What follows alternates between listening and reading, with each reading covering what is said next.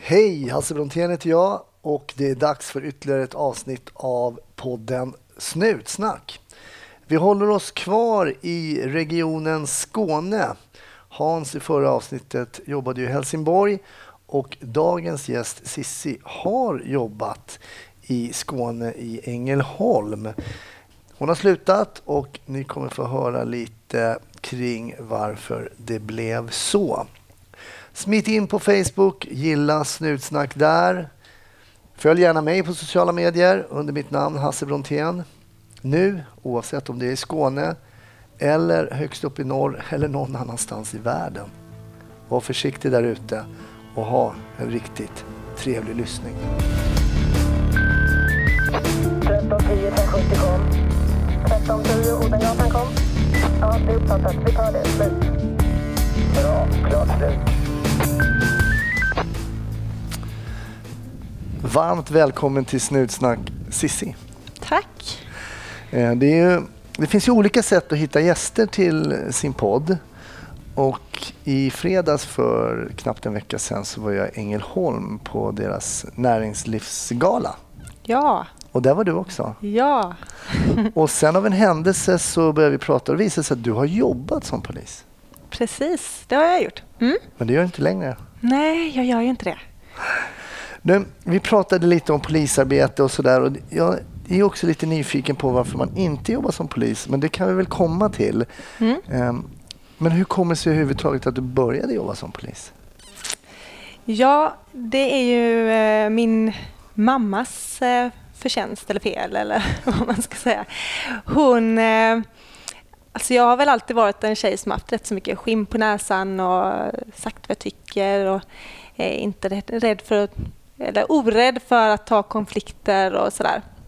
Så att hon eh, eh, sa att då var jag kanske 19 och jag jobbade som butikschef i Danmark. Så tyckte mamma att jag skulle utbilda mig till någonting. Och då så säger hon att "Ah, ska du inte söka till polisen? Det lät spännande tycker jag och absolut, jo men det skulle nog passa mig. Liksom. eh, och jag trivdes ganska bra med mitt jobb i Danmark och, eh, och tänkte att jo men jag kommer ändå behöva söka några gånger. Eh, men det, jag kom in på första, första sökningen. Mm. Och när var det här då? Detta är ju eh, 2008. Okej, så kom in direkt där. då. Mm. Hade, vad hade, du, vad, hade, du någon, hade du någon erfarenhet av polis? Hade du poliser i släkten eller kände du några som jobbade som polis? Hade du några inputs liksom kring hur det var att jobba som polis? Nej, ingenting. Helt grön. Uh, inga inputs alls. Uh, jag eh, läste väl lite om vad som skulle ingå i utbildningen och jag, ja, men man vet ju ändå ungefär vad polisyrket innebär men nej, jag var inte jätteinsatt. Jag var... Uh, nej. Vilken, eh, vilken polisutbildning, vilken skola gick du? Var gick du någonstans? Växjö. I Växjö. Mm.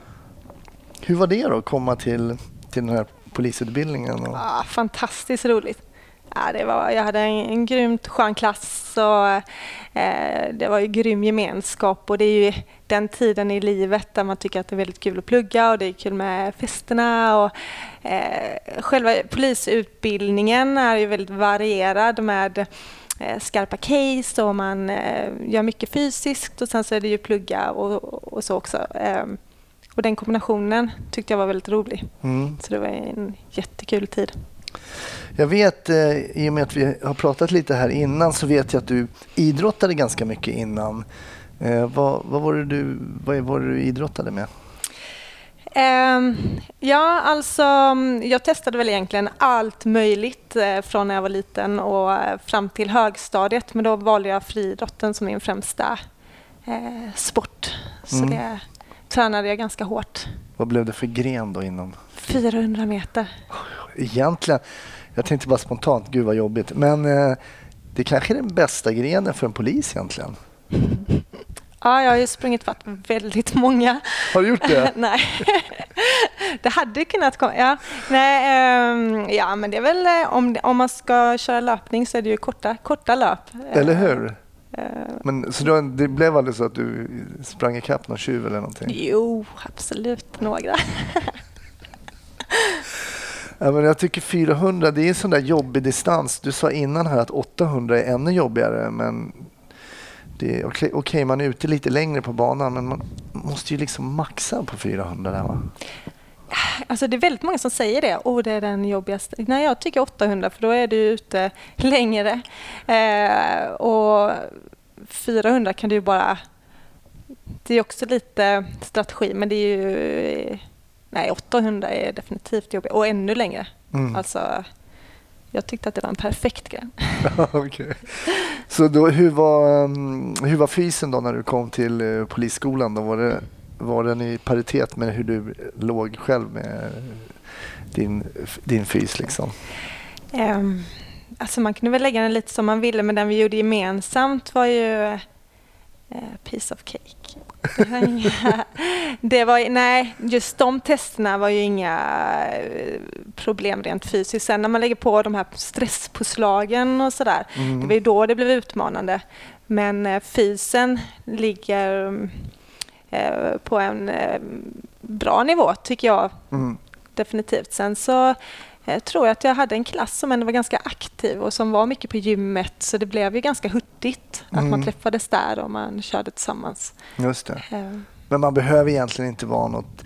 Jag menar för de som lyssnar och kanske vill söka så behöver man inte vara supervältränad utan man måste väl vara kanske average eller lite above average för att, för att klara sig igenom liksom, fysen.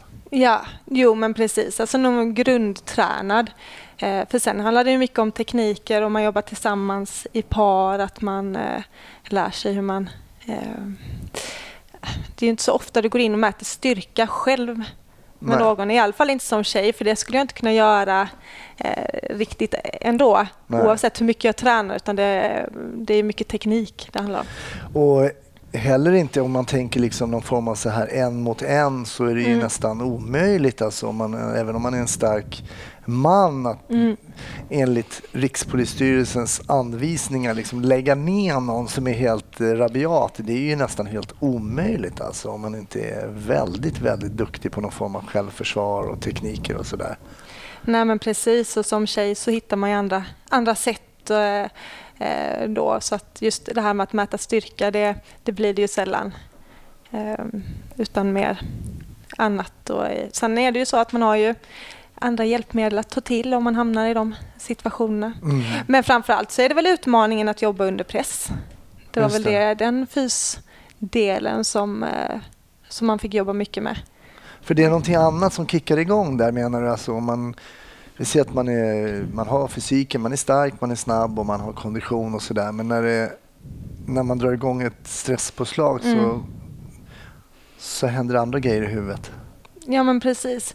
Om man ska sätta på handfängsel till exempel så vet jag att eh, eh, men i situationer sen när man väl kom ut så så kunde det stresspåslaget att man kände att man hade puls, man kanske hade varit i en fysisk situation och, och då var det liksom den här fi, finmotoriken försvinner ju lite grann. Mm. Eh, så då är det väldigt bra övat på den mycket på Polishögskolan. För det är ju annat när du kommer ut sen.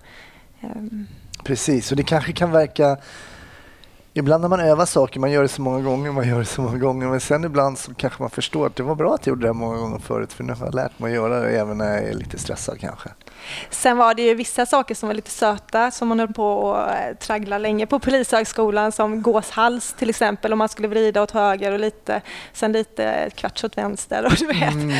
Och det blir ju inte riktigt så när man kommer ut i, i skarpa situationer att man, åh, kör vi gåshalsen på det sättet. Eh, Men eh, Och för er, för er lyssnare som inte förstår vad den här gåshalsen är så är det liksom man ska trycka ner handen liksom när man har i någon form av grepp så att det gör liksom smärta där och så Ja. får man då... och sen ska man vrida på ett visst, ett Aha. visst varv. Ja, det blir väldigt så teoretiskt där och det funkar ju på snälla klasskamrater som vet var, ska, var man ska hamna liksom. Ja, och i början när man kom ut och man skulle göra det här skarpt, då man hängde ju på jag vet, riktiga sådana bodybuilder-killar som bara hade satt handen i en så fastlåst position. Där hängde man och försökte verkligen eh, applicera det man hade lärt sig. Ja, man insåg snabbt att den här funkar inte för mig. Nej, precis. Och alla som har varit i slagsmål med någon, något syskon någon gång vet att de här greppen kan vara lite svåra. Man får ta till egna knep. Jaha, men vad kul då. Då hade du en rolig skoltid där. Mm, jättekul. Hade du någon liksom målbild då? Jag menar, ni pluggade ju olika saker. Man lär sig om att hålla förhör och man går på och patrullerar och så vidare. Och så här, hade du någon målbild av vad du skulle vilja göra i framtiden inom polisen? Nej, Nej inte så. Um, ja, men man hade tittat ändå på lite serier och sådär. Så någon eh, eh, lösa mord, eh, polis ville jag nog bli. Mm. Eh, men som sagt, jag var ju ganska... Jag var väldigt ung och väldigt eh, grön. Eh, jag, hade, jag, nej, jag levde nog ganska mycket där och då. Eh, Men när du säger att du var grön, då, vad menar Mm. du då att du var grön? Alltså jag var inte så världsvan. Eh, Jag kommer från en väldigt, alltså väldigt trygga familjeförhållanden. Eh, Vi har inte bråkat hemma. Alltså jag har inte... ehm, Du har inte haft några brorsor att brottas med? Nej, alltså de har varit så snälla. Ehm, Hade du varit i något slagsmål innan du... Nej, har inte det. Ehm, nej, men så att jag och, och sen också, så jag kan inte komma ihåg att jag varit på någon fest där det har varit droger. Jag har liksom inte mötts av så mycket, eh, så att så många situationer eller hotfulla situationer eller Nej, så att jag hade ju liksom inte så stor koll på Nej. vad det skulle innebära att vara Fast det är väl ändå, som jag tror, polis. är inte det ganska normalt att många som kommer, alltså läser på polis, att man inte har varit på fest. Ja, klart, det, kan ha dykt upp lite droger någon gång utan att man har vetat om det, men att man kanske inte är så ute och drogar jättemycket. Nej, men man visste ju inte vad man skulle kolla efter heller. nej. Men jag hade i alla fall inga i min nära bekantskapskrets som, eh, som eh, sysslade med sånt eller som slogs eller sånt. Så det, det har varit väldigt eh, skyddat. Och jag körde med, eller jag gick ju, körde min idrott liksom och Mm. ja. Men hur var de här tankarna då? För jag tänker att om man då um, känner som du kände, så här, men jag var ung, jag var grön, jag hade inte liksom varit utsatt för någonting av det här, liksom inte ens varit i ett slagsmål innan. Och så, hur, hur tänkte du på det då? Liksom? För du tänk, det tänker man väl ändå att det här kommer jag att vara med om. Det är nästan oundvikligt att jag kommer hamna i någon form av kanske handgemäng.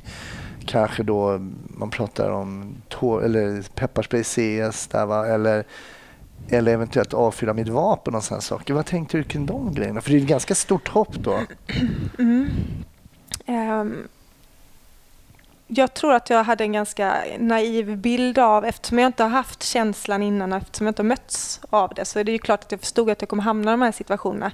Men jag tänkte nog att det kommer jag klara av bra och det är liksom, det tror inte jag kommer bekomma mig så mycket känslomässigt. Alltså det är inte förrän du möts av det på riktigt som man inser. Eh, Men jag hade nog, ehm, men jag trodde, jag vet inte riktigt hur tankarna gick, men jag såg inget motstånd i det eller att jag det, trodde nog att ja, men det passar mig med, med polisyrket. Mm. Och, ehm, När möttes du första gången av den här känslan då? Du sa så här, det här kommer nog inte bekomma mig, jag kommer kanske inte bli så påverkad. När var första gången du mötte den känslan då? Att oj, här kom det någonting som verkligen påverkade mig. När, när, när kom den första känslan? när jag möttes av verkligheten första gången. Ja. Eh, jo, men det, och den kom ju ganska snabbt på Polishögskolan för vi har ehm, vi hade någonting som kallas för SAU Mm. och vad det står för det har jag inte riktigt eh, Men det är någon form av praktik Ja, va? en praktik, precis. Man fick två veckor tror jag eh, första året som man skulle ut på. Och eh, då skulle jag på praktik i Lund Mm. eh, och det, Valborg. Eh, Valborg i Lund är väldigt festligt. Det är eh, mycket folk ute på stan och det dricks ganska så mycket. Och, mm, Ja, förlåt, nu avbröt jag dig. Men då kommer man ut och jobbar som polis då? Eller åker man med... Jag har själv aldrig varit på den här praktiken, men du kommer till, till polisen i Lund. Så, Hej, jag går på... inte bara att man kommer in en dag, men, men de, du ska gå på den här praktiken i två veckor. Då. Åker du med i uniform eller är du civil? Eller hur, hur funkar det? Ja, men precis. Det ehm, det är ehm, i uniform. Mm. Så bara den känslan att få ta på sig uniformen första gången skarpt, den var ju fantastisk. Liksom. Mm. Och då skulle vi få följa med en person och en, en grupp i tjänst, i yttre tjänst. Eh, sen får man ju liksom sitta i, i baksätet och hålla sig i bakgrunden. men ehm, eh, annars så har du ju liksom din uniform. Och jag var ju supertaggad och superspänd och det var ju också väldigt roligt att få jobba på valborg för det händer mycket, det är mycket folk på stan och eh, fantastiskt att få ta på sig det här bältet som man har maxat med prylar. Du vet, kompisarna på Polishögskolan bara det här måste man ha, det här måste man ha. Så det var ju supermaxat med grejer och eh, pikétröjan hade liksom pressväck, den var ju helt ny från, från eh, lådan. Och, så börjar man med en utsättning som är som ett förmöte där man eh, pratar eh, dels eh, patrullerna som har varit eller har jobbat tidigare på dagen, berättar om kanske saker som man behöver veta när vi går på vårt pass och så. Ehm, ja, när man drar, drar vad som kommer hända framåt. Och då rycks vi från den utsättningen då eh, och får liksom att ni måste ta, idag har hänt en eh, olycka på, eh, på Storgatan i Lund. Mm. Så vi springer därifrån och jag hör egentligen inte riktigt vad som sägs på radion för du vet, man hade ju inte lärt sig att hålla koll på vad den skulle vara. Liksom. Jag bara kände att oh, puls, sprang ut, satte mig i baksätet och vi liksom blåljus ner till Storgatan i Lund. Pulsen var ju skyhög och jag var, alltså adrenalinet var ju, jag bara yes, blåljus, kul. Eh, och förstod inte alls vad vi skulle åka på. Och kommer fram till, eh, till platsen. Och det som har hänt är ju då att eh, två fulla, glada, unga killar har gått eh, från Stadsparken i Lund där det ofta är väldigt festligt. Det är där allting händer och det är mycket folk och det är fylla och, och trevligheter. Ehm, och de går fulla och glada upp för Storgatan och från andra hållet så kommer det en, en tjej. Och de går och puttar lite på varandra och eh, den ena kommer på idén att han ska putta på sin kompis så att han, han hamnar på den här tjejen som de möter. Och, och detta gör han och hon glider ut i gatan. Ehm, och där kommer det en eh, buss med glada ungdomar från eh, Spikens gymnasieskola och kör över henne. Mm. Och hon avlider eller? Ja, hon, hon är död när vi kommer dit. Det är en annan patrull som har anlänt först. Men eh, vi kommer dit och jag får hålla en, en filt för att täcka då eh, skyla så att inte förbipasserande ser henne. Okej. Var hon väldigt illa skadad den här tjejen? Väldigt illa skadad. Det var, det var ingen tvekan om att hon hade avlidit direkt. Okej. Eh, så, och det var ju också man har ju varit på bårhus och så med på Polishögskolan men, men detta var ju något helt annat. Och när du står och får den uppgiften som jag fick att stå och hålla eh, filten så hinner du tänka ganska mycket, du hinner titta ganska mycket och Mm. alltså jag vet att mina ben darrade jättemycket. Okej. Så det var ju, och då tänkte jag nog shit alltså vad har jag, jag gett mig in på? Kände du så lite? Ja, jo men just där och då gjorde jag nog det att jag, den här glada känslan som jag hade när jag åkte på ärendet och adrenalinet, det är liksom, puh, Ehm, ja, det blev väldigt verkligt men samtidigt också kanske mm, bra för mig eh, att inse att det är det här, det är det här jag ska jobba med sen. Vad tänkte du sen när du åkte hem från det här passet och sådär då? Um, alltså jag, jag, jag, hade- nog rätt så svårt att ta in vad jag hade sett. Och jag hade nog rätt så svårt att ta in hela alltet. Mm. Ehm, men eh, absolut skakig och absolut eh, ehm, Väldigt Ja. tragiskt, väldigt tra- tragisk händelse. extremt tragiskt. Och det här var ju liksom inga, det var inga kriminella killar utan det var ju en dum grej på fyllan som de gjorde som förstörde deras liv och Mm. hennes liv och många andras liv. Eh, Så det var ju väldigt extremt tragiskt. Ja. Som livet kan vara ibland. Mm. Mm. Men du pluggar vidare och sen Mm. så blir du färdig eh, polisassistent. Ja, precis. Och började jobba i Ängelholm i yttre tjänst. Ja. Och det är där i krokarna du är uppvuxen också? Lund, Okej, Lund ja, är det mest. så det ja. ligger lite mer söderöver. Ja, det gör det. Mm. Eh, Så det är inte mina hemtrakter egentligen. Ah, okay. Utan det blev att jag flyttade dit. Så du stöter inte bara på massa kompisar från skolan och sådär? Nej, inga alls faktiskt. Nähä. Nej. Eller sk- skolan, Polishögskolan. Nej, jag tänkte mer grundskolan och Nej, sådär. inga men- alls. Inga alls. Nej. Nej, så jag har ju liksom inte koll på gängen eller koll på, eh, på folket som bor i stan utan jag kommer ju eh, dit först när jag började jobba där. Mm. Hur var det då? Hur blev du mottagen som ny eh, polis liksom, i Ängelholm? Då? Eh, men bra. Alltså det var en väldigt eh, familjär stämning på en, i en liten eh, stad som Ängelholm är så blir man ju ett tajt Mm. gäng där. Så men absolut bra. Var ni flera eller var du själv som kom ut då, från den kullen? Vi var... Nej, vi var fler. Mm. Alltså jag tror att vi var tre stycken eller så som hamnade i Ängelholm. Tre eller fyra. Ja. Mm. Ehm, Så, och vi var ju många från skolan som kom till eh, nordvästra eh, Skåne så att vi, eh, vi var ett gott gäng Mm. aspiranter som började. Just det. Men då var ni inte aspiranter va? Eller, eller, när blir man inte polis? Är ni inte examinerade då? Eller är ni... Ja just det, ja, men aspiranten gjorde jag i Bjuv och sen när jag blev färdig så var det Ängelholm. Just det, och Ja. då var du liksom färdig polis. Liksom. Precis. Känner man sig färdig när man är ute sådär och kommer ut? Ja, man känner sig ganska grön när man kommer och det, det får man ju veta. Man får ju veta sin plats.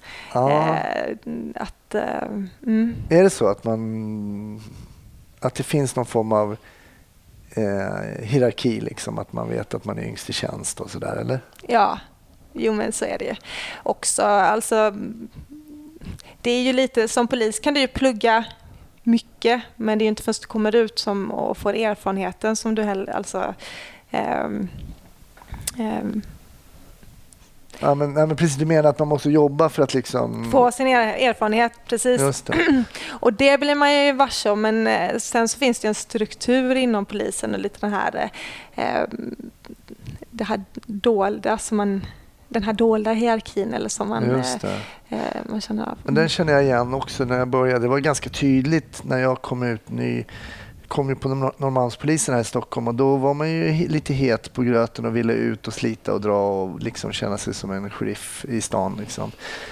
Och då fick man ju ofta höra, de sa i alla fall här och sa, kallade de oss för räv, rävjävlar då. Räv är ju då, så här, dra in svansen rävjävel, det dammar. Att vi stod och liksom bara som en räv som bara, svansen gick och spann och bara lugna ner er, sätt er liksom sådär. Och jag kände också att det var ganska tråkigt. Det var en ganska tråkig attityd. Här kom det ju ganska nya poliser som verkligen ville slita och dra och, och, och göra rätt för sig. Men då började jag säga, oh, oh, oh, ta lugna ner er nu, liksom rävar. Det är lite det du menar, eller? Den, lite den känslan, eller? Ja, jo, men så var det. För där kände man man komma- också ja. hierarkin. Okej, vi är Ja. rävar, vi är längst ner. Som räv var man liksom längst ner. Ja, men man kunde väl inte komma med några nya idéer direkt. Eh, Och det var väl väldigt mycket så att det har vi aldrig gjort här.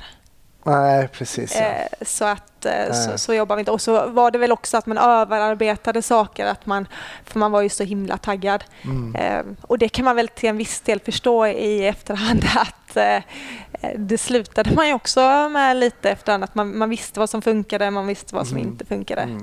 Men, eh, ehm, ja, men definitivt så att man fick lugna sig lite och Mm. fick väl liksom kanske lite skituppgifterna i början. Mm. Eh, Jag vet också att man kallas för MUP. Då.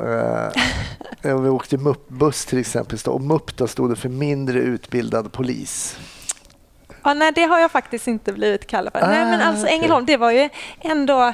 Man fick ju åka med de här gamla rävarna som har åkt eh, alltid, som Mm. alltid jobbat i yttre tjänst. Just Det var ju ändå, tycker jag, fantastisk erfarenhet att ta del av. Det kunde jag ju se som fördel i lilla Ängelholm eh, jämfört med Mm. kanske i Helsingborg som är en större stad där, där man ganska snabbt går i, i, in eh, alltså i inre tjänst istället för att vara kvar i yttre tjänst. Så Just då är det. det ju väldigt ung kompetens eh, i yttre tjänst. Och att få ta del av den här kompetensen där folk har jobbat i yttre tjänst i så många år. Eh, Den är ovärderlig. Mm. Det Sen är, de väldigt kanske inte värdefullt. lika pigga i ärendena då. De duckar kanske lite mer, eh, nu ska jag inte säga alla, men det fanns väl ändå några som kanske, de gjorde kanske inte mer än vad man behövde. Så det var både bra och dåligt, men framförallt eh, fint att man fick den kompetensen tidigt. Har du varit med om den här känslan när man sitter och är liksom ganska ny som polis och så går det ut ett jobb på radion och sen så, kö- och så tar inte den personen jobbet. Ja, Och man sitter så bara, men ta jobbet. Och man sitter kanske och kör själv. Man vill ju bara åka på ett jobb. Och så sitter de och väntar på att någon annan ska ta jobbet. Fast man Mm. Yes. har lust att liksom bara ta radion själv fast man kör. Men det får man inte göra liksom. Mm. Och så tar de den inte. Man bara, men jag vill ju jobba liksom. Har du känt ja, den? ja, den käns- är, pinpointade, ja, verkligen. För det är väl lite så när man är ny. Liksom. Man vill ju verkligen ta varenda jobb. Absolut, och man vill ju helst vara där innan de går ut med det på radion. Så att, eh, eh, ja, och tyvärr så gick det ju för många ganska snabbt från att man kom som ny och hungrig till att man då föll in i det här lite trötta, lite arbetsskygga. Eh, Ja, det, det finns. Jag tror jag har gjort någon forskning av det av en polis, hur snabbt det faktiskt går innan Mm. man liksom kommer in i det här lite mer lunken. Stefan Holgersson. Ja, just det. Ja. Det heter han, ja. Mm. Honom måste jag ha med i podden Mm, också. mm. Och det Eh, är det ju, för vi läste om honom på skolan och då tänkte man nej, det kan ju inte stämma. Det kommer ju jag aldrig bli i alla fall. nej. Och sen förstod man där och det var väl faktiskt också det som hände lite för mig sen. Lu- lunken. Ja, precis. Alltså man blev inte sitt bästa jag utan man tilläts att komma in i någon lite Mm. för snabbt. Nu är den stora färgfesten i full gång hos Nordsjö Idé och Design.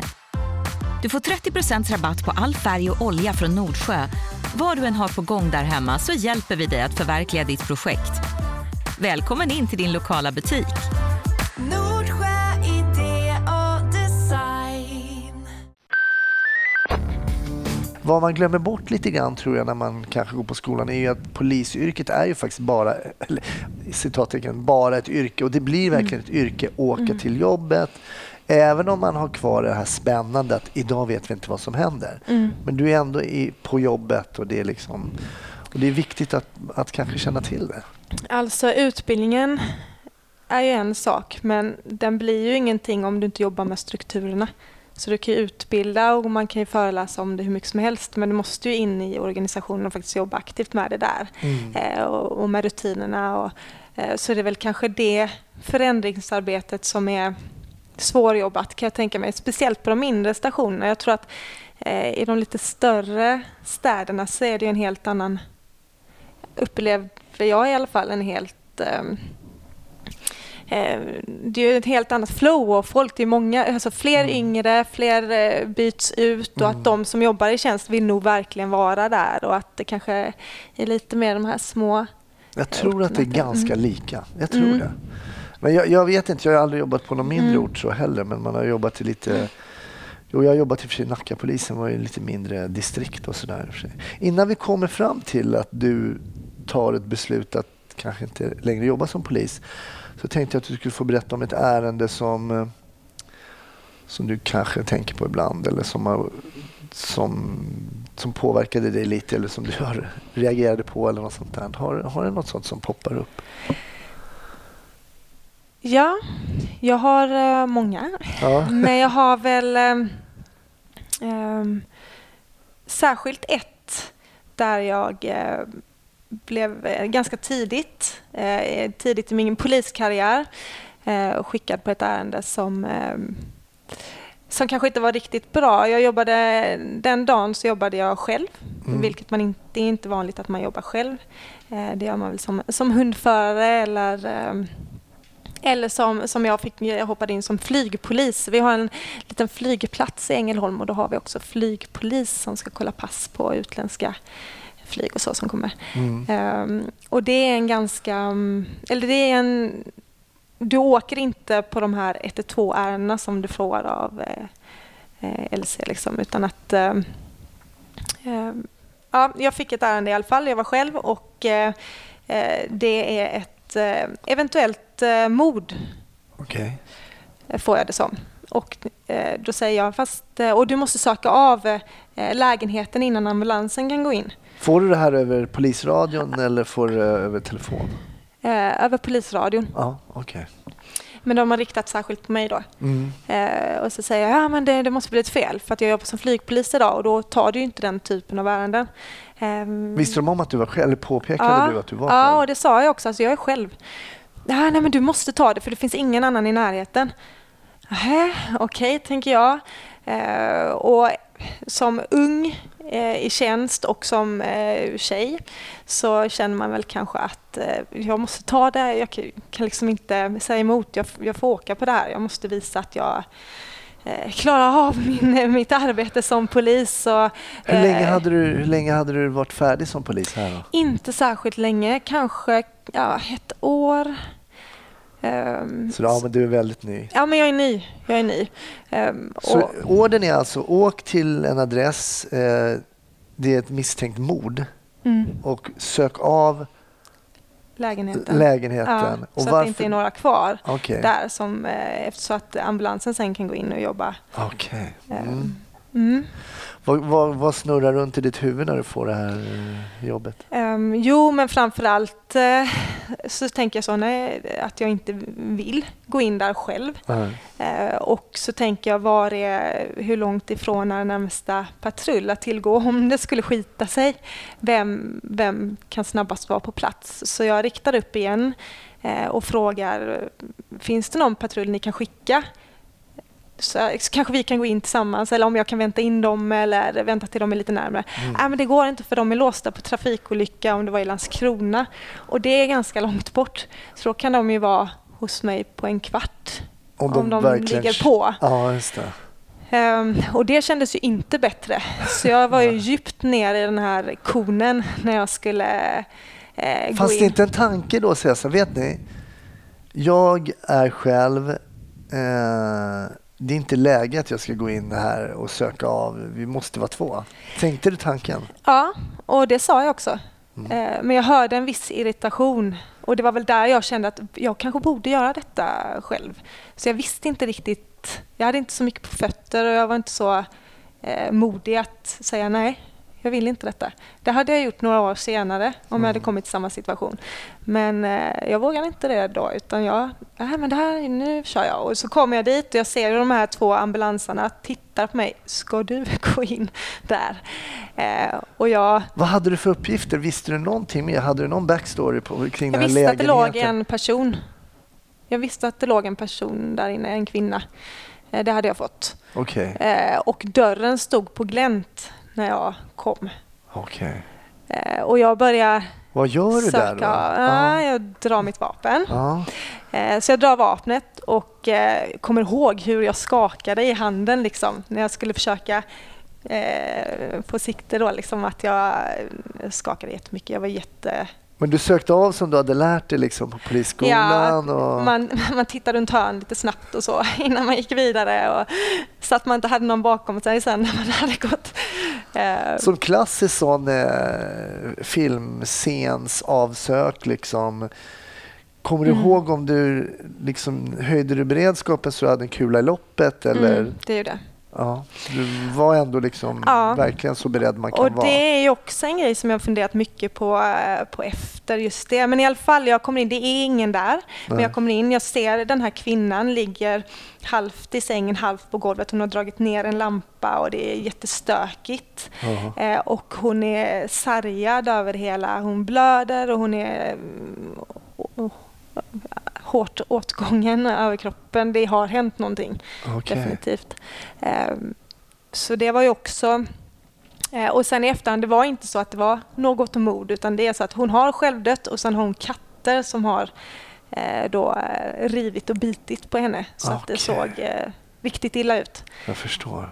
Men innan det förstod ju inte jag först. Så då är det ju, tror man ju att det är en brottsplats och då ska man ju inte röja några spår utan eh, påbörja det arbetet. Det. Och då var jag ju ganska skakis ja, och klart. kände att jag visste inte riktigt var jag skulle börja och så ska man gå ut till ambulanspersonalen och tog tid innan det kom en patrull på plats och Ja. hjälpte till. Ehm, men ehm,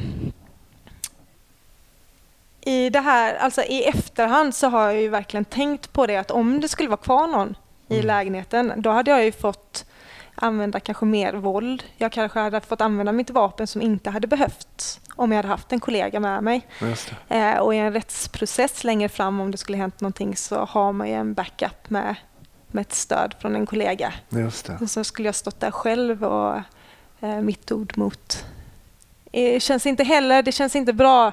Det, det blev, nu, nu blev det utfallet bra och det gick ju väl och, och, och så. Mm. Men eh, hade det hänt någonting så hade det varit...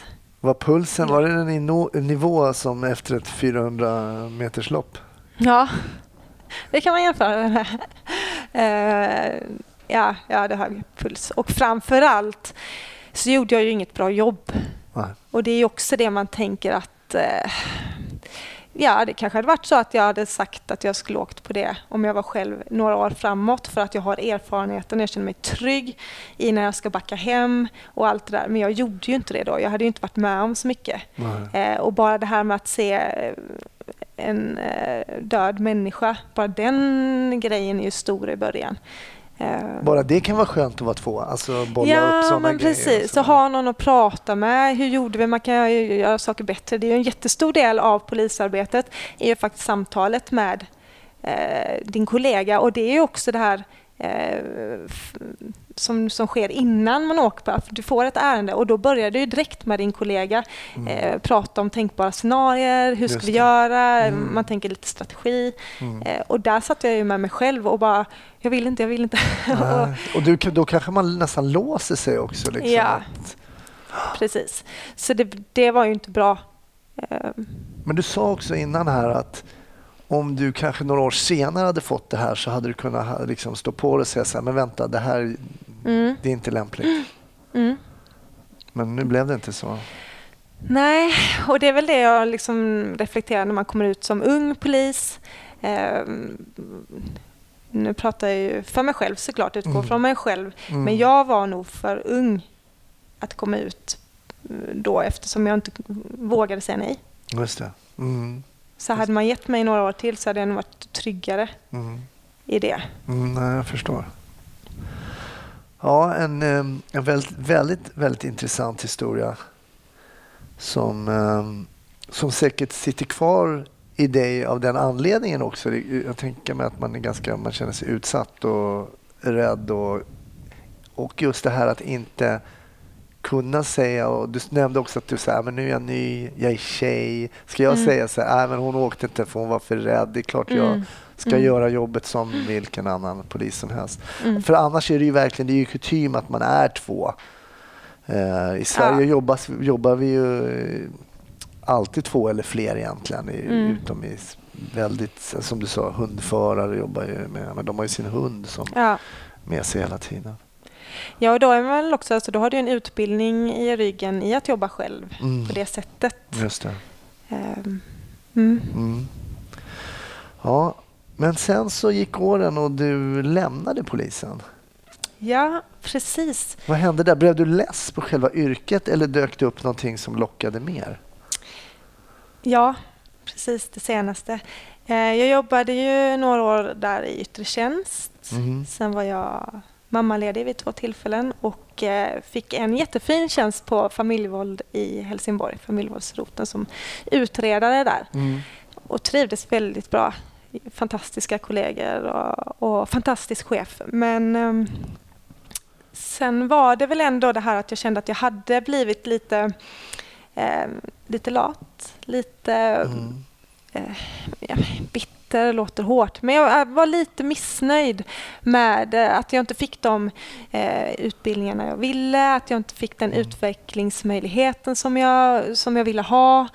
Eh, ja, och då kände jag väl att då är man ju inte schysst mot arbetsgivaren heller. Man har ett ansvar och jag vägrade hamna där som jag kände att många kollegor hamnat. Att man, man pratar väldigt illa om sin situation eh, utan att göra någonting åt den. Just det. det är intressant. Du säger så här, men jag hade blivit lite lat. Ehm, och jag kan känna igen lite grann i slutet på min, på min yrkeskarriär som polis så kände jag också att jag inte gjorde det jobbet som jag har gjort tidigare. Och ibland så är det så att du får rätta mig om jag har fel, men det finns, liksom ett ut, det finns ett utrymme ibland att vara lat som godkänns. Ja. Och det hade jag irriterat mig väldigt mycket på innan. Att jag Mm. såg att jag kanske någon utredare satt och läste DN liksom, Mm. eh, på förmiddagen och sen skickade man iväg någon så här kallelse till ett förhör och sen var det lunch och sen, ja, det gick sin gilla gång och så här. Eh, och det var jag väldigt irriterad på, att det fanns det här utrymmet att vara lat. Känner du igen lite vad jag menar då? Ja, absolut. Man fikar lite längre. Man... mm, jo, absolut. Och det var ju det som hände lite också. Att jag kände att jag blev inte eh, mitt bästa jag. Alltså jag är ju väldigt driven. Jag är väldigt framåt. Jag vill att saker ska hända. Jag tycker om att jobba framför allt. Mm. Så dels då i kombination med att jag inte kände att det riktigt tillgodosågs så var det också mitt eget fel att jag hade hamnat där och då kände Mm. jag att nej, nu får jag eh, faktiskt, nu är jag skyldig att, att göra någonting annat Mm. eh, för alla. Känner du att du var ja, för alla, du säger du är Mm. skyldig för alla, men också kanske gentemot dig själv? Ja, alltså jag, är- jag är för ung för att hamna där. Mm.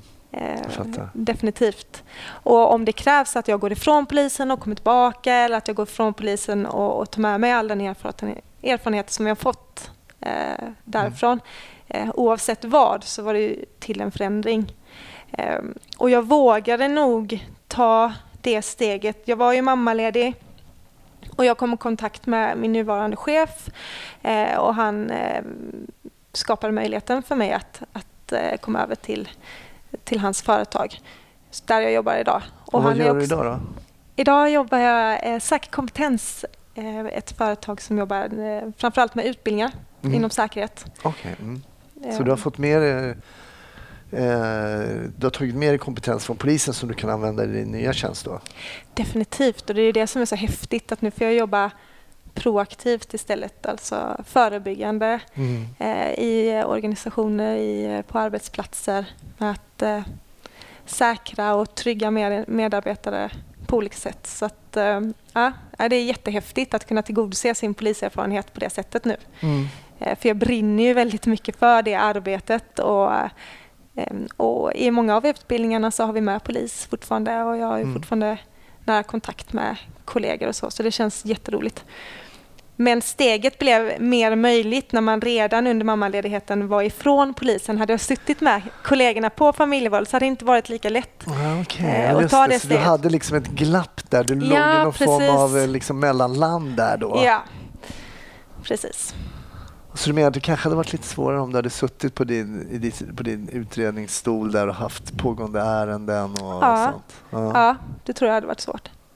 För det var ju ändå någonting jag ville göra där och det är klart att jag kan sakna det idag och man saknar mycket det här med kollegor och, Mm. och polis är ju en identitet som inte försvinner.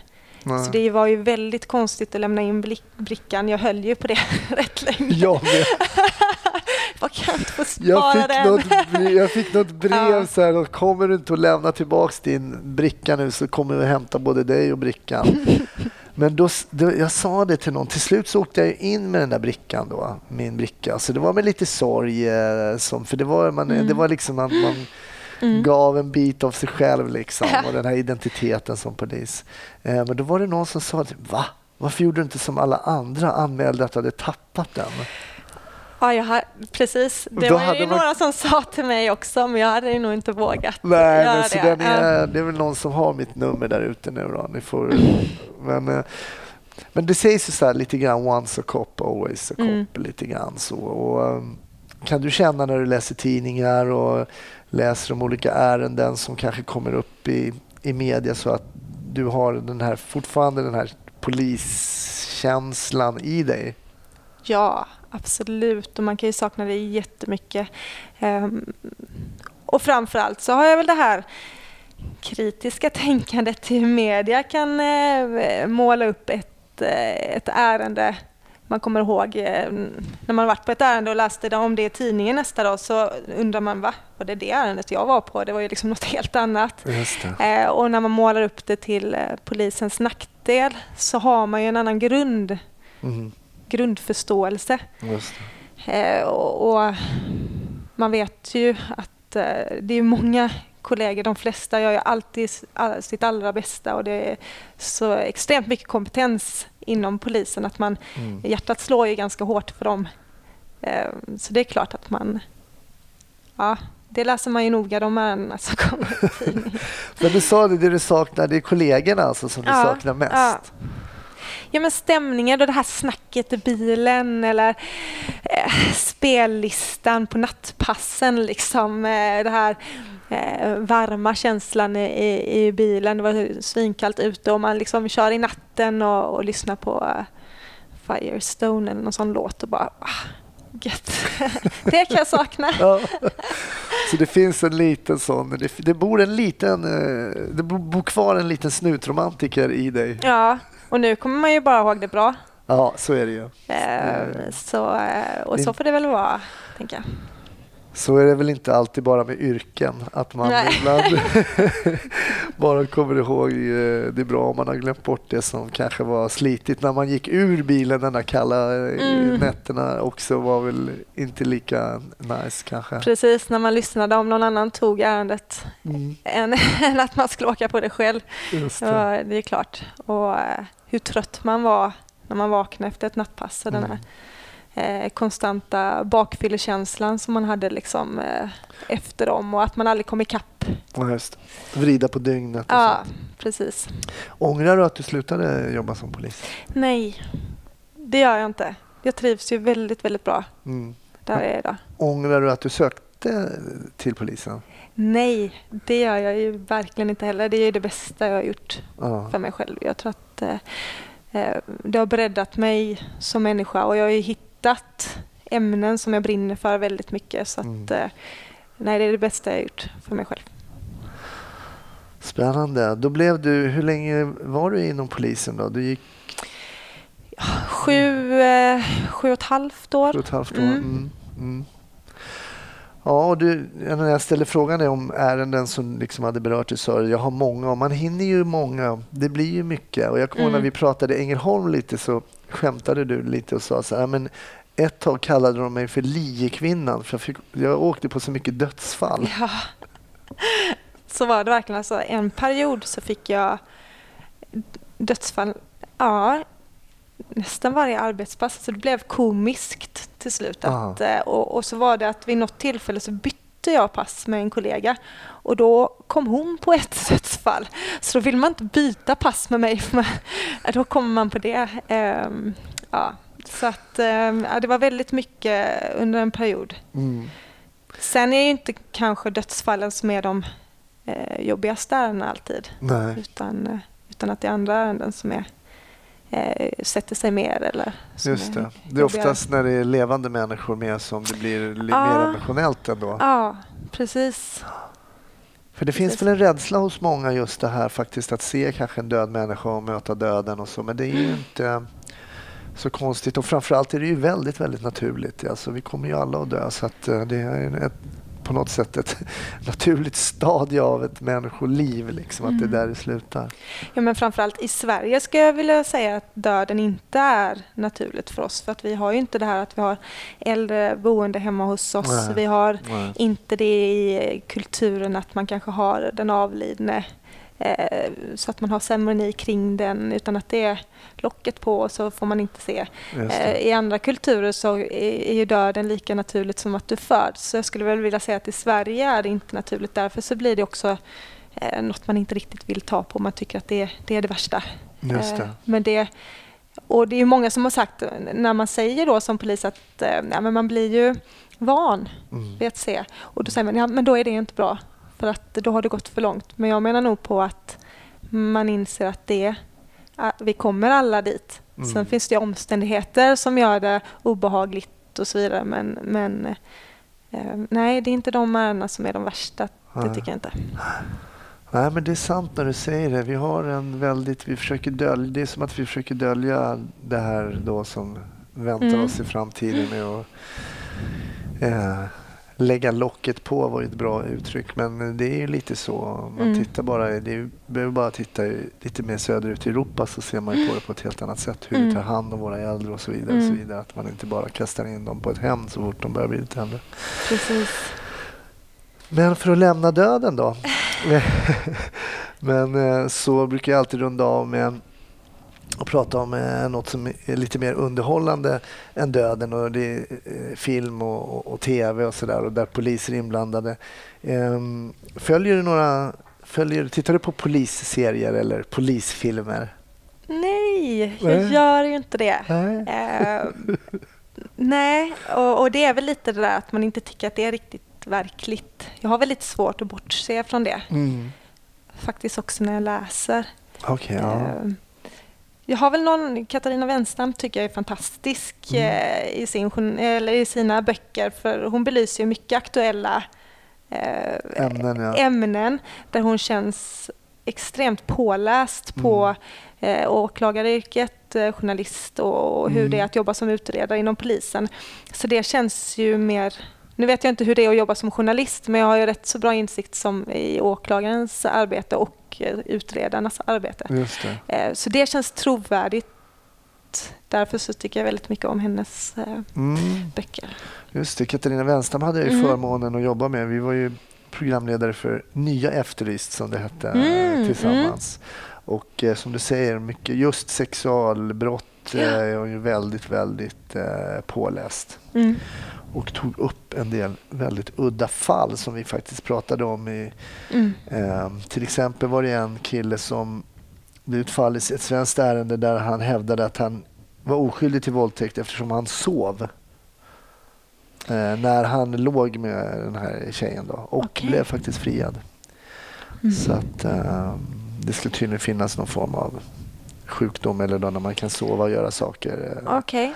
Sen om Mm. det var det i det här fallet, det ska vi låta vara osagt. Men okej, så istället för att- rekommendera en serie eller en film så rekommenderar du en bok. Av, är det någon speciell bok av Katarina Wenstam du skulle vilja...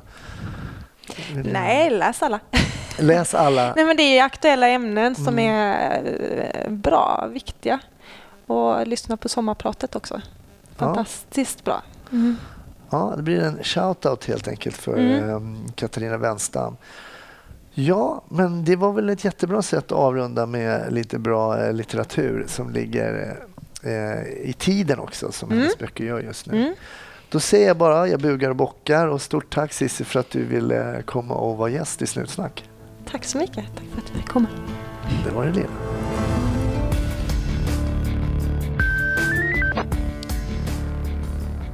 Jag tackar och bockar för att du har lyssnat på ytterligare ett avsnitt av podden Snutsnack med mig, Hasse Brontén. Jag finns på våra sociala medier och där finns även Snutsnack som har en e- egen sida på Facebook. Gå gärna in och likea den så kanske vi hörs där också. Ha en fantastisk vecka så hörs vi i nästa.